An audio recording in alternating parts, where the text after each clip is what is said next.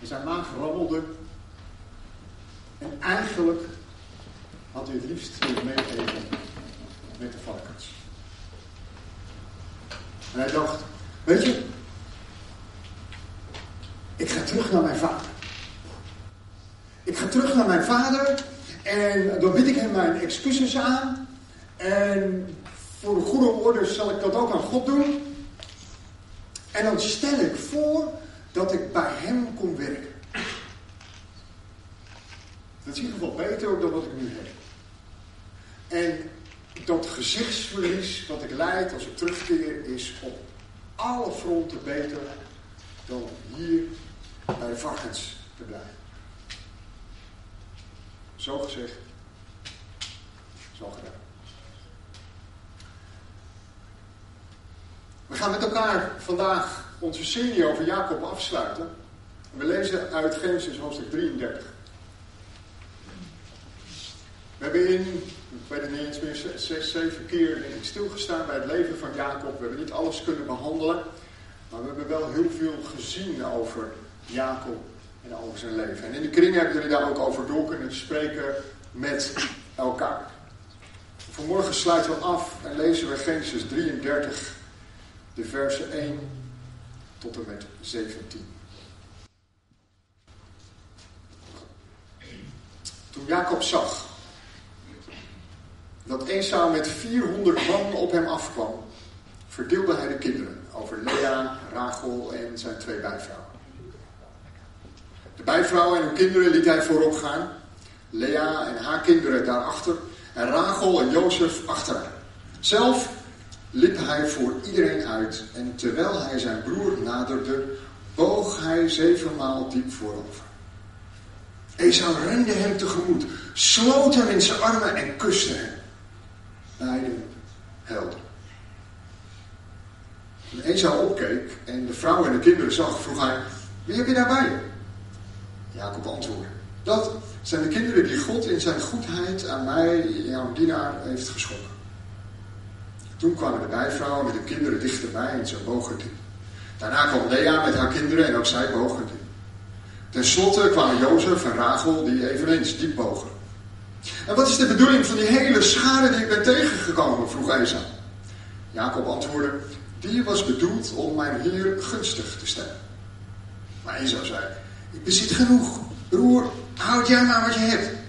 Nee, zei Jacob, als je mij goed gezind bent, neem dan dat geschenk alsjeblieft van mij. Want oog in oog staan met jou is niets anders dan oog in oog staan met God.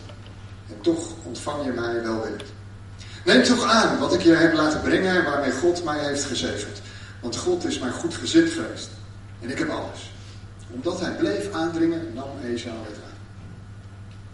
Hierna zei Esau, laten wij verder gaan. Ik zal je vergezellen. Maar Jacob antwoordde, mijn heer weet hoe zwak kinderen zijn. En ik heb de zorg voor zogende schapen, geiten en runderen.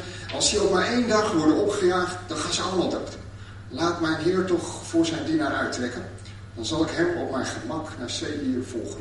En mij aanpassen aan het tempo van het vee dat ik bij me heb en aan dat van de kinderen.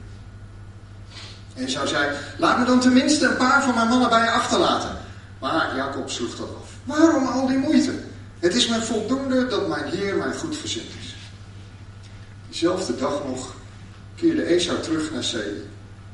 Jacob echter reisde naar Sukkot en bouwde er een huis. Ook maakte hij hutten voor zijn vee, vandaar dat de plaats Sukkot heet. Ook Jacob zette alles op een rijtje en hij bedacht zijn eigen oplossing. God stuurt hem terug naar het land en, en dat houdt onherroepelijk in dat hij zijn broer Esau onder ogen moet komen en Jacob weet niet hoe Esau erin zit na twintig jaar. Dus Jacob stuurt geschenken vooruit. Hij verdeelt zijn kinderen over die vrouwen, bij vrouwen eerst, en dan Lea en dan Rachel. En Jacob zou Jacob niet zijn.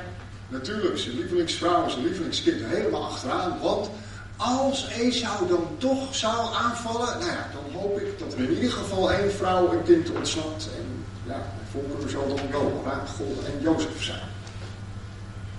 En toch is Jacob ook niet helemaal de oude. Na zijn worsteling met God is hij veranderd. Heeft hij die nieuwe naam Israël gekregen. En het ziet hem dat hij zelf voorop gaat. Hij neemt in ieder geval zijn eigen verantwoordelijkheid. En hij gaat voorop om Esau de ogen te komen. Zo gezegd, zo gedaan. Weet je, wanneer het gaat over herstel, wanneer het gaat over relaties, relaties onderling of onze relatie met God, hoe vaak komen wij dan niet met onze eigen oplossing? Van jongs af aan worden we opgevoed, worden we getraind om zelfstandig te zijn. Oplossingsgericht. Zelf nadenken, onafhankelijk. En begrijp me goed, dat is prima hè. Daar is niks mis mee. Zelfverantwoordelijkheid nemen. Je hersens gebruiken. Kritisch nadenken. En vragen blijven stellen. Dat is goed. Maar de keerzijde is, of de keerzijde kan zijn dat het lastig wordt om over te geven. Om los te laten.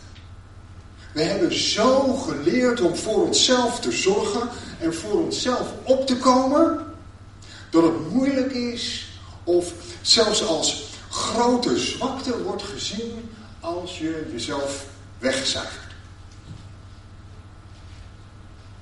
Gezichtsverlies lijkt wel fout nummer uno te zijn in onze maatschappij.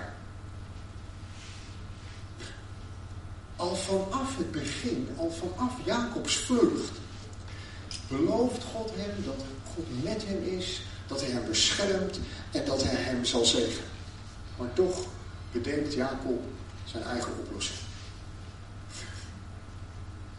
De ongeschreven regel over respect voor ouderen in het algemeen en, en respect voor je ouders in het bijzonder, die voorziet in zorg en bescherming, maar toch is de jongste zoon eigenwijs, eist hij zijn deel van de erfenis op, vertrekt en bedenkt zijn eigen oplossing.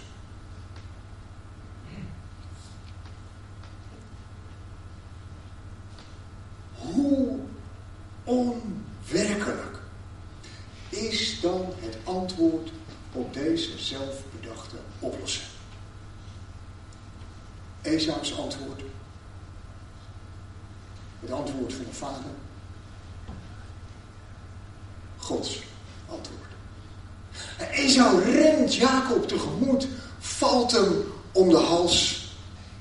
De vader rent zijn zoon tegemoet en valt hem om de hals. En in Jezus rent God deze wereld tegemoet om herstel aan te bieden. Gods antwoord op onze eigen oplossingen is een radicaal antwoord. Is een antwoord wat kost. Een antwoord waar een hoog prijskaartje aan hangt. Het prijskaartje van gezichtsverlies. Van je rechten opgeven van wel gelijk hebben, maar niet gelijk krijgen. Een prijskaartje wat direct in ons eigen ego snijdt. Gods antwoord is radicaal, overweldigende liefde. De vader staat op de uitkijk en zodra hij zijn zoon ziet, tilt hij zijn gewaad op en rent naar hem toe om hem om de hals te vallen. Het maakt hem niet uit hoe de anderen over hem denken.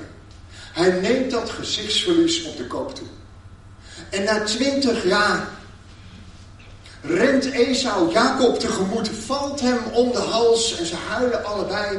En het maakt Esau niet uit dat er geen vergelding is voor de gestolen zeg. Gods antwoord is radicale, overweldigende liefde.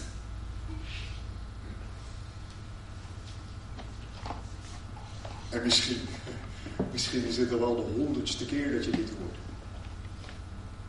En misschien ben je al wel honderd jaar christen en weet je het allemaal wel. Maar waar raakt dit je leven van alle dag? Mag het je leven van alle dag nog raken? Gewoon in je eigen cirkel. Van school, werk, collega's, gezin, familie. Weet je, ik geloof namelijk niet dat het de bedoeling is dat we keer op keer het evangelie horen en het maar aannemen. Dat we elke keer als we avondmaal vieren, dat we alleen maar God danken voor zijn grote genade. Dat we stoppen bij die liefdevolle omhelzing van God of ons zelfs daarin blijven rondwenten. Keer op keer op keer op keer. Er is een leven na de omhelzing. Voor de jongste zoon is er een leven na dat feestmaal. Voor Jacob en voor Esau is er een leven na hun ontmoeting. En als we werkelijk zo geraakt zijn door Gods radicale, overweldigende liefde, dan kan het niet anders dan dat het je verandert. Dat het je van binnenuit verandert en dat er mensen om je heen dat zien aan jou en aan mij. Wie ziet Gods radicale liefde in jou? Wie mag jij omhelzen? Doordat er een relatie hersteld wordt. He, op een diep persoonlijk niveau gaat het hier dan over het schenken van vergeving. Esau vergeeft Jacob. De vader vergeeft zijn zoon. Vergeving maakt een dergelijke omhelzing mogelijk. Vergeving getuigt van radicaal liefhebben. En dat kost iets. Misschien kost het je wel je eigen gelijk. Of je rechtvaardigheidsgevoel. Of gezichtsverlies. Op een, op een wat meer algemeen niveau betekent radicaal liefhebben misschien wel heel eenvoudig die woorden van Paulus in de praktijk brengen. Die bekende woorden die Paulus schrijft aan de Filippenzen. Uw vriendelijkheid zij alle mensen Hoe het ook zij. Op welk niveau je radicaal liefhebben ook zou willen toepassen. Diep persoonlijk of wat meer algemeen. Het kost iets. En vaak laten we ons afschrikken door dat prijskaartje. Weerhoudt het ons ervan om radicaal lief te hebben? Ik bedoel, mijn ego is belangrijk. Ik wil geen gezichtsverlies lijden.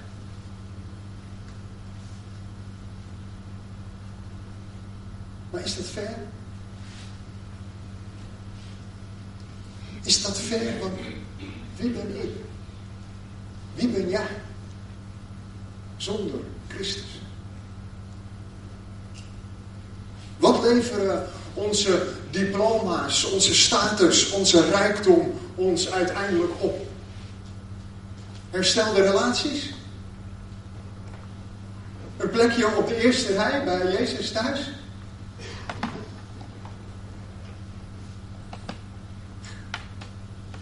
Als we zonder Jezus niets zijn, dan doet ons ego er toch niet meer toe. Dan maakt het toch niet meer uit of we gezichtsverlies lijden of niet. Als onze identiteit werkelijk verankerd ligt in Christus, dan kunnen we toch niet anders dan naar de ander toe rennen en omhelzen en herstel vieren.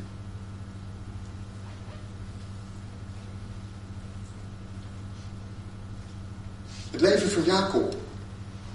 Het leven van Jacob laat ons zien dat God zijn weg gaat met mensen. Juist in onze kwetsbaarheid is God dichtbij. En niet het, niet het breken van regels, maar het verbreken van relaties is waar God aan het werken. Op het allesomvattende niveau van God en deze wereld, van God en het mens, op het diepe geestelijke niveau van, van de relatie tussen Israël en, zijn, en de gemeente. En op het persoonlijke niveau van mensen onder elkaar. God is een God van verzoening. God is een God van herstel. Zijn visie voor jouw leven is om door de kracht van de Heilige Geest herstel te brengen in Jezus' naam. Nog een keer.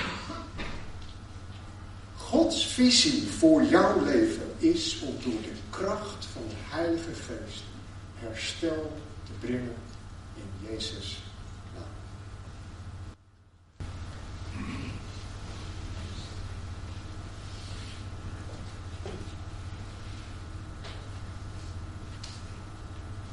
Vader God. Wat is dit moeilijk?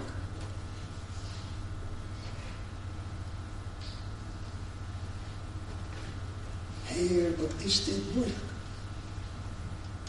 Want vader, als ik eerlijk ben, dan vind ik mezelf gewoon zo belangrijk. En als ik gelijk heb, dan wil ik ook gelijk krijgen. Heer, uw woord is zo scherp en uw woord confronteert zo. En als ik, als wij dan lezen over het leven van Jacob, over de verloren zoon, Heer, dan raakt dat. Dan raakt dat tot diep in ons hart. Vader, we kunnen niets anders dan u danken voor uw overweldigende liefde.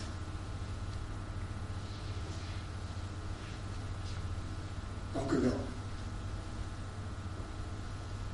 En Heer, leer mij, leer ons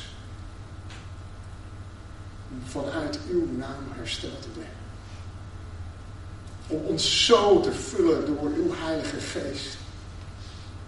Dat uw liefde, dat uw liefde eraf spat. Keer op keer op keer op keer. Juist op die momenten, als het moeilijk is.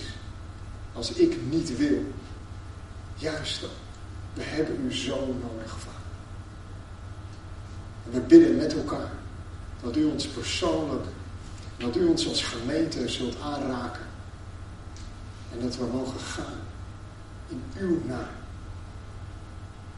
om herstel te brengen. Zegen het zo. Tot eer en glorie van uw naam. Amen.